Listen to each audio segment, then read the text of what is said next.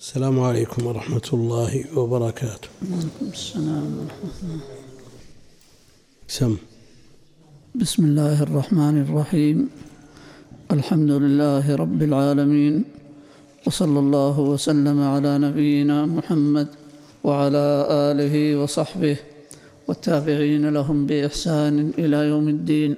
قال الشيخ محمد الأمين الشنقيطي رحمه الله تعالى قوله تعالى فمثله كمثل الكلب إن تحمل عليه يلهث. الآية ضرب الله تعالى المثل لهذا الخسيس الذي آتاه آياته فانسلخ منها بالكلب ولم تكن حقارة الكلب مانعة من ضربه تعالى المثل به.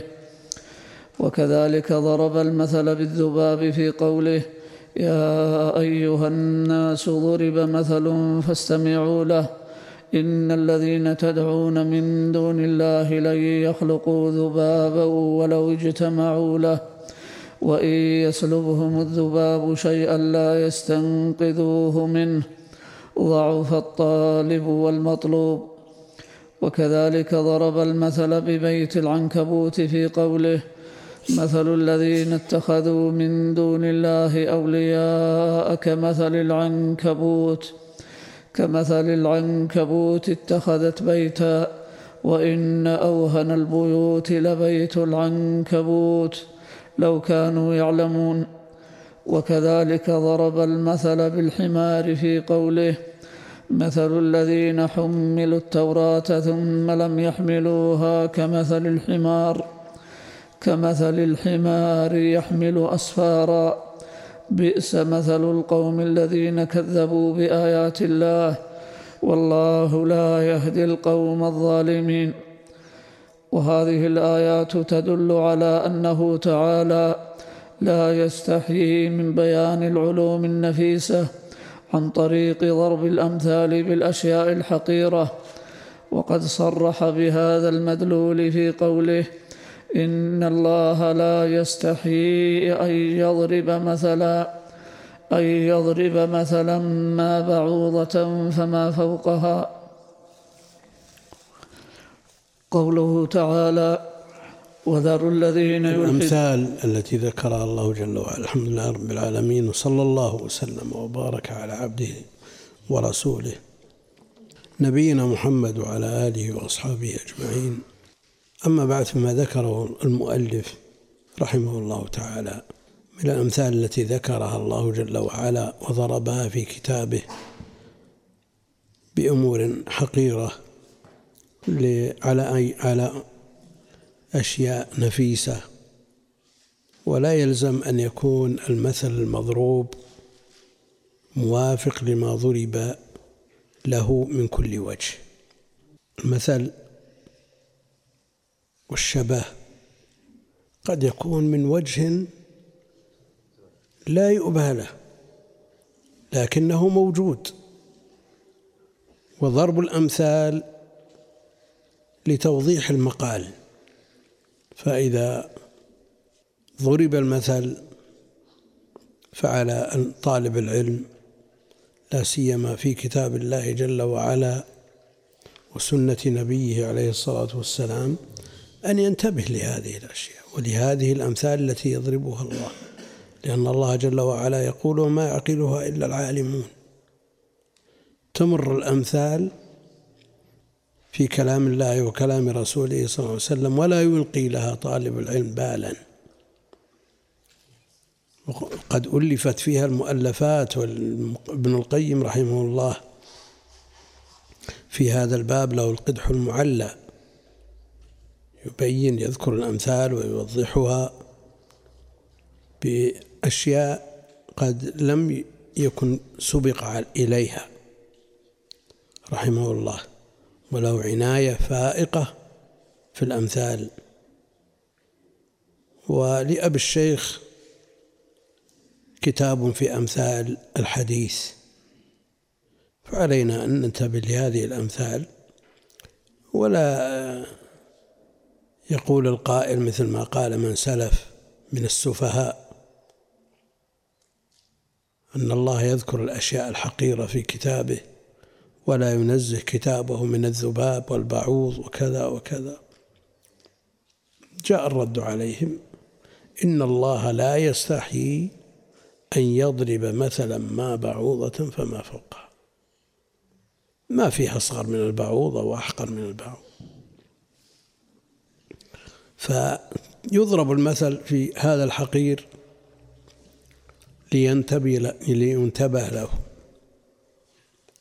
هناك أمور من خلال هذه الأمثال دلت على أشياء بالتأمل والتفكر استنبط منها أشياء كبيرة أهل النظر والفكر. والاعتبار من المفسرين ذكروا أشياء. واحد من من أهل العلم توفي رحمه الله. يصلح الساعات. مكانة الساعات محسوسة ما هي بكترونية كانت الساعات حسية. وفيها مسامير لا ترى بالعين المجردة بالمكبر. يقول لما فكك الساعة جاء ذباب فاختطف مسمارا من هذه المسامير. فتبعته لأستنقذه منه فما استطعت. وبقيت الساعة بدون هذا المسمار.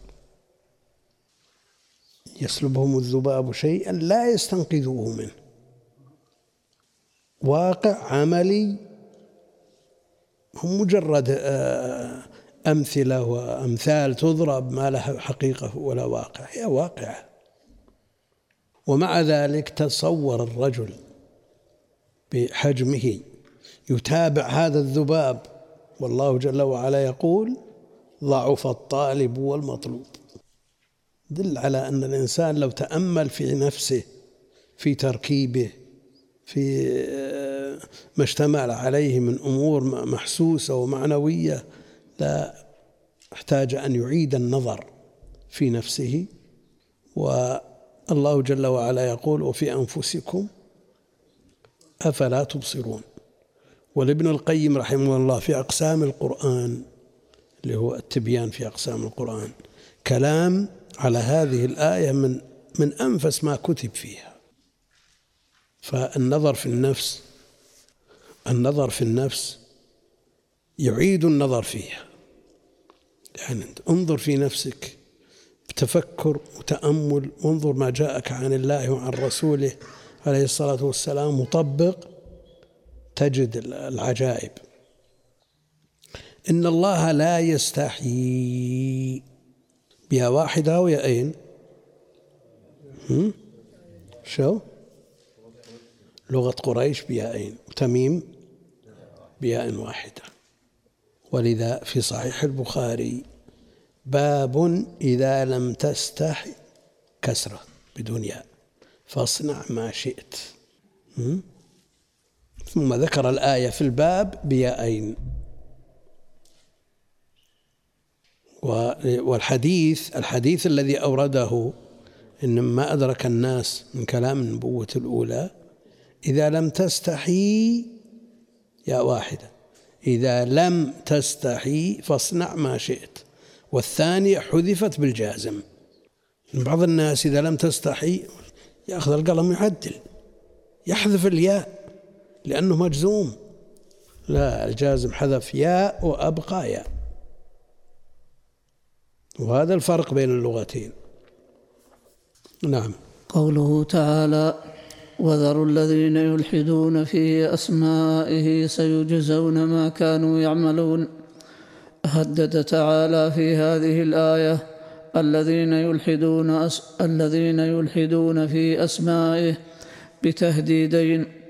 الأول صيغة الأمر في قوله وذروا فإنها للتهديد.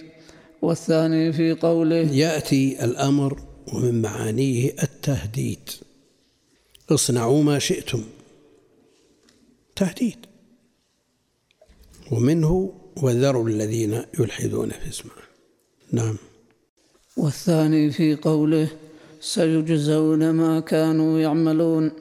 وهدد الذين يلحدون في آياته في سورة حاميم السجدة بأنهم لا يخفون عليه في قوله إن الذين يلحدون في آياتنا لا يخفون علينا. ثم أتبع ذلك بقوله لا يخفون أي يعلمهم. ويعلم سرائرهم ويعلم ما دق وجل من أمورهم. وإذا كان لا يخفى عليه شيء من أمورهم فهل يفلتون من عقابه؟ فهل يفلتون من عقابه؟ كلا. نعم. ثم أتبع ذلك بقوله أفمن يلقى في النار؟ الآية وأصل الإلحاد في اللغة الميل. ومنه اللحد في القبر ومعنى إلحادهم في أسمائه هو كاشتقاقهم اسم اللات كاشتقاقهم اسم اللات من اسم الله واسم العزى من اسم العزيز واسم مناه من المنان ونحو ذلك. والعرب تقول لحد وألحد بمعنى واحد وعليهما القراءتان. يلحدون يلحدون وعليهما وعليهما القراءتان. يلحدون بفتح الياء والحاء من الأول وبضمها وكسر الحاء من الثاني. قوله تعالى قل إنما علمها عند ربي. من الأول يعني الثلاثي ومن الثاني الرباعي الحدث.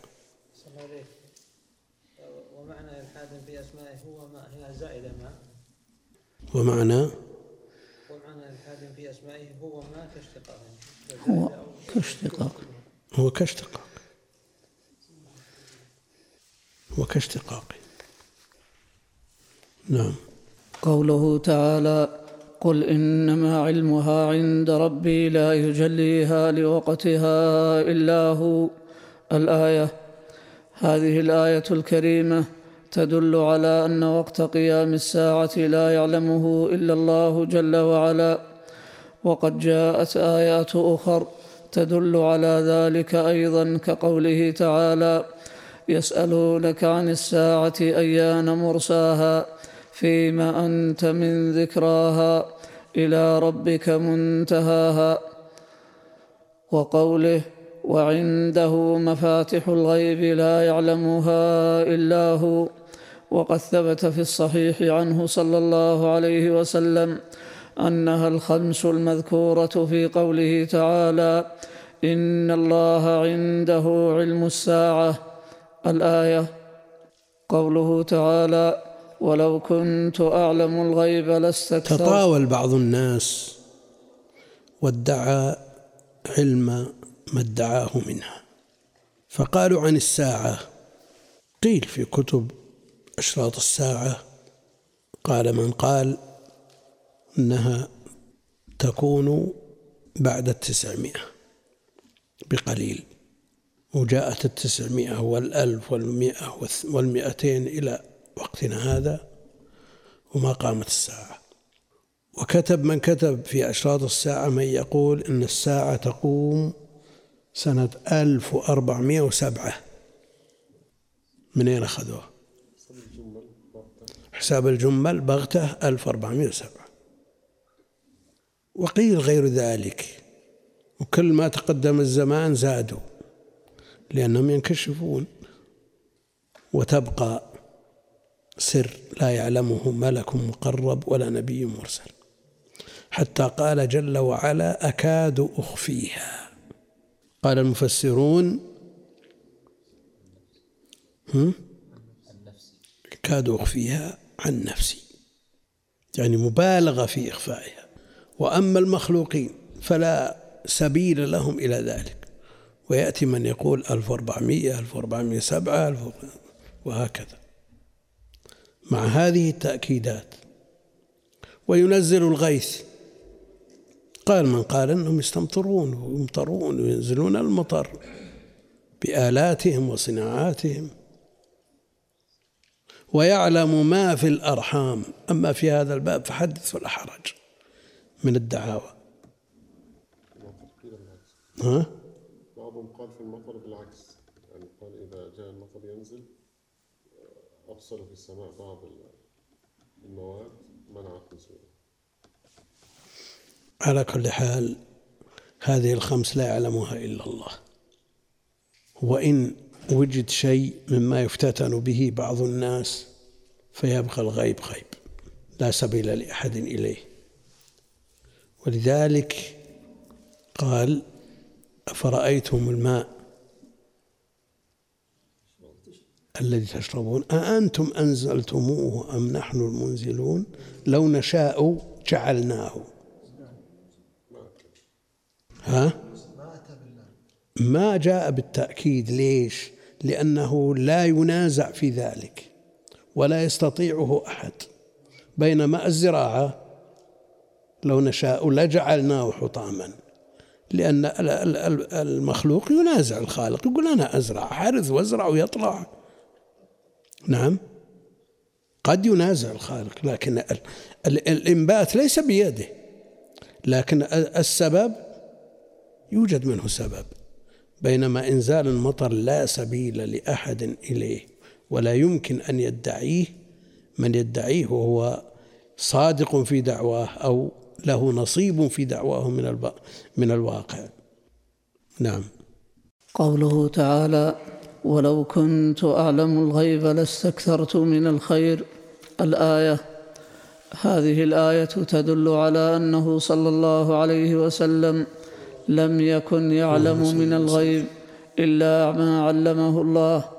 وقد أمره تعالى أن يقول إنه لا يعلم الغيب في قوله في الأنعام قل لا أقول لكم عندي خزائن الله ولا أعلم الغيب.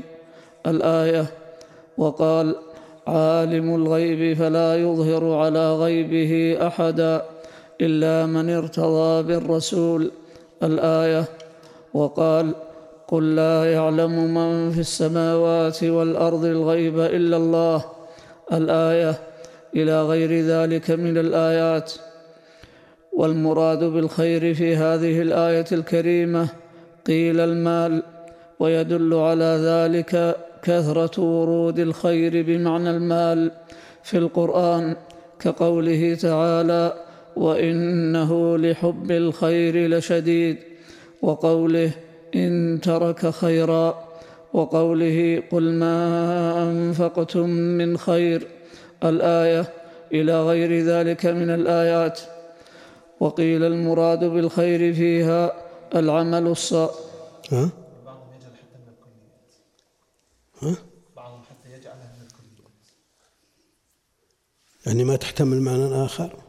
هم يرد عليهم تحت تحت تحتمل لكن بعضهم يجعلها من الكليات أما أي خير في القرآن شو؟ من الكليات في القرآن. أي آية محمولة على هذا؟ لا. لا. نعم. وقيل المراد بالخير فيها العمل الصالح كما قاله مجاهد وغيره. والصحيح الأول لأنه صلى الله عليه وسلم مستكثر جدا من الخير الذي هو العمل الصالح. لأن عمله صلى الله عليه وسلم كان ديمة وفي رواية كان إذا عمل عملا أثبته. قوله تعالى وجعل منها زوجها ليسكن إليها. الآية ذك ما يكون شيخ الخير وما يقابل وما نفس النسوء فيكون كل ما يمنع عن حياته ويبعد عنها الكبر فلا يكون المقصود هو المال فقط ولا يكون المقصود العمل الصالح انما يكون المقصود ما يجعله في حياته مسؤول هو الخير بمعناه العام فيما يقابل الشر والسوء هذا الخير بمعناه العام. وكل ما يحتمله هذا اللفظ يدخل في الآية المال هو ما ذكر إلا هذا.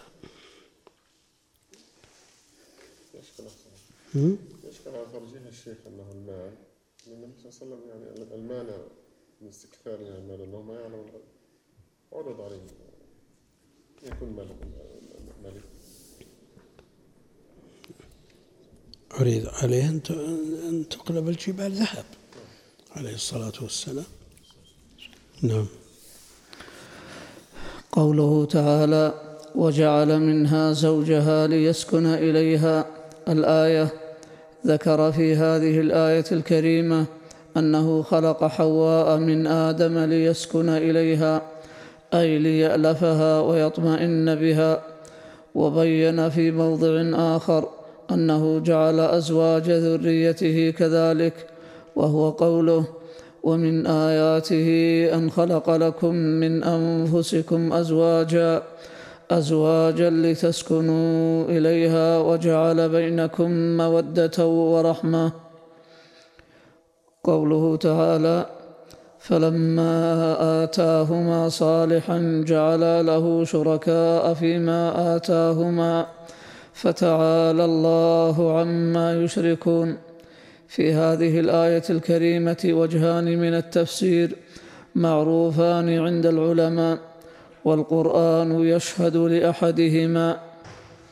الأول أن حواء كانت لا يعيش لها ولد فحملت فجاءها الشيطان فقال لها سمي هذا الولد عبد الحارث فإنه يعيش والحارث من أسماء الشيطان فسمته عبد الحارث فقال تعالى فلما آتاهما صالحا أي ولدا إنسانا ذكرا جعلا له شركاء بتسميته عبد الحارث وقد جاء بنحو هذا حديث مرفوع وهو معلول كما وهو اوضحه ضعيف كما قرره أهل العلم. وإن كان كثير من المفسرين يرجح هذا الرأي ويدعمه بآثار وأخبار إسرائيلية ولكنه قول مرجوح. نعم. وهو معلول كما أوضحه ابن كثير في تفسيره. الوجه الثاني أن معنى الآية أنه لما آد لما آتى آدم وحواء صالحا كفر به بعد ذلك كثير من ذريتهما وأسند فعل الذرية إلى آدم وحواء لأنهما أصل لذريتهما كما قال ولقد خلقناكم ثم صورناكم. أي بتصويرنا لأبيكم آدم لأنه أصلهم بدليل قوله بعده ثم قلنا للملائكة اسجدوا لآدم. ويدل لهذا الوجه الأخير أنه تعالى قال بعده فتعالى الله عما يشركون. أيشركون ما لا يخلق شيئا وهم يخلقون؟ وهذا نص قرآني صريح في أن المراد المشركون من بني آدم لا آدم وحواء. واختار هذا الوجه. لو كان ثابتا عن آدم هذا الفعل وهذا الشرك لنقلت توبته منه. كما نقلت توبته من أكل الشجرة. الشرك أعظم. نسأل الله العافية. الشرك أعظم. لا بد منه من توبة من توبة. ولما لم ينقل دل على أنه لم يثبت. نعم. واختار هذا الوجه غير واحد لدلالة القرآن عليه وممن ذهب إليه الحسن البصري. واختاره ابن كثير والعلم تأباه العصمة. العصمة لآدم لأنه نبي من الأنبياء والأنبياء معصومون. ومن أعظم ما يعصمون منه الشرك الذين بعثوا من أجل هدمه وهداية الناس إلى التوحيد ونقض الشرك. فلو حصل ممن يدعو الشرك فكيف يدعو؟ نعم. واختاره ابن كثير والعلم عند الله تعالى. قوله تعالى خذ العفو وأمر بالعرف وأعرض عن الجاهلين وإما ينزغنك من الشيطان نزغ فاستعذ بالله إنه سميع عليم. بين في هذه الآية الكريمة ما ينبغي أن يعامل به الجهلة من شياطين الإنس والجن فبين أن شيطان الإنس يعامل باللين وأخذ العفو والإعراض عن جهله وإساءته وأن شيطان الجن لا منجى من منه إلا بالاستعاذة بالله منه. قال في الأول أيهما أشد شيطان الإنس ولا شيطان الجن؟ ها؟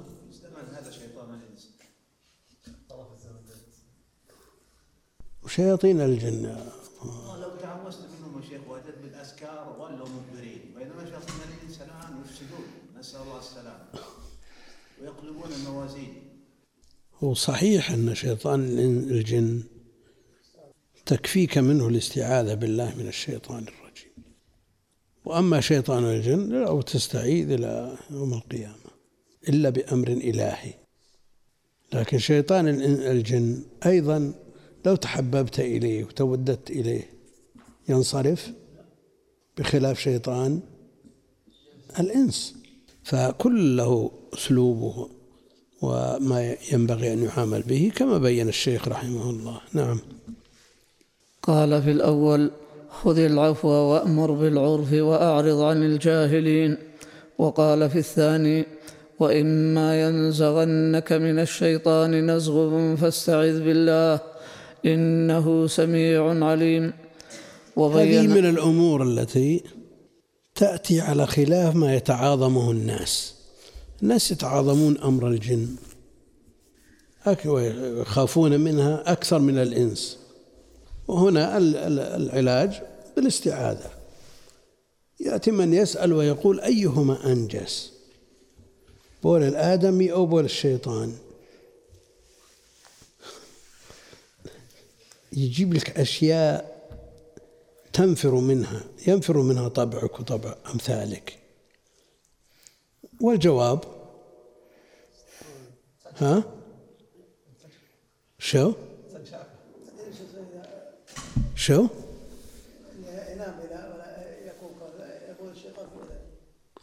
بال الشيطان ذاك رجل بال الشيطان في أذنه. وما وما أمر بغسله. نعم. ها؟ قال يبيت على فأمر بال- بالاستنجاء ولا مثل أمر الغسل بالنجاسة. مثل أمر الغسل بالنجاسة. مثل الأمر بغسل النجاسة وعلى سبيل الوجوب والاستنشاق مختلف فيه من الأصل. نعم؟ أيا كان. كان حقيقي فالسؤال عن الحقيقي. وإن كان معنوي فالسؤال عن المعنوي.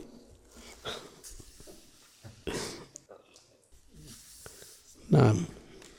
وبين هذا الذي ذكرنا في موضعين آخرين أحدهما في سورة قد أفلح المؤمنون. قال فيه في شيطان الإنس ادفع بالتي هي أحسن السيئة نحن أعلم بما يصفون. وقال في الآخر وقل رب أعوذ بك من همزات الشياطين وأعوذ بك رب أن يحضرون. والثاني في حاميم السجدة قال فيه في شيطان الإنس ادفع بالتي هي أحسن فإذا الذي بينك وبينه عداوة كأنه ولي حميم. وزاد هنا أن ذلك لا يعطاه كل الناس بل لا يعطيه الله إلا لذي الحظ الكبير والبخت العظيم عنده فقال وما يلقاها إلا الذين صبروا وما يلقاها إلا ذو حظ عظيم ثم قال في شيطان الجن وإما ينزغنك من الشيطان نزغ فاستعذ بالله إنه هو السميع العليم قوله تعالى وإخوانهم يمدونهم في الغي ثم لا يقصرون. ذكر في هذه الآية الكريمة أن إخوان الإنس من الشياطين يمدون الإنس في الغي ثم لا يقصرون. وبين ذلك أيضا في مواضع أخر كقوله ألم تر أنا أرسلنا الشياطين على الكافرين؟ على الكافرين تؤزهم أزا وقوله يا معشر الجن قد استكثرتم من الإنس وبين في موضع آخر أن بعض الإنس إخوان للشياطين وهو قوله إن المبذرين كانوا إخوان الشياطين الآية الباقلاني أبو بكر كانت له مناظرات مع النصارى وغيرهم. فمر بمحضر أو مجمع فيه مجموعة من النصارى أو غيرهم الله أعلم. فتغامزوا فيما بينهم كل واحد يقول هذا شيطان لأنه أعطي قدرة على الحجاج والمناظرة. سمع هو فقال إني أرسلت لأؤزكم لأنه يعني شيطان يؤزهم والشيطان تحتمل أمور كثيرة لكن على الكافرين ما تحتمل نبدأ بالسورة ولا نقف؟ اللي ترى ها؟ اللي تراه حول وأنت؟ اللهم صل وسلم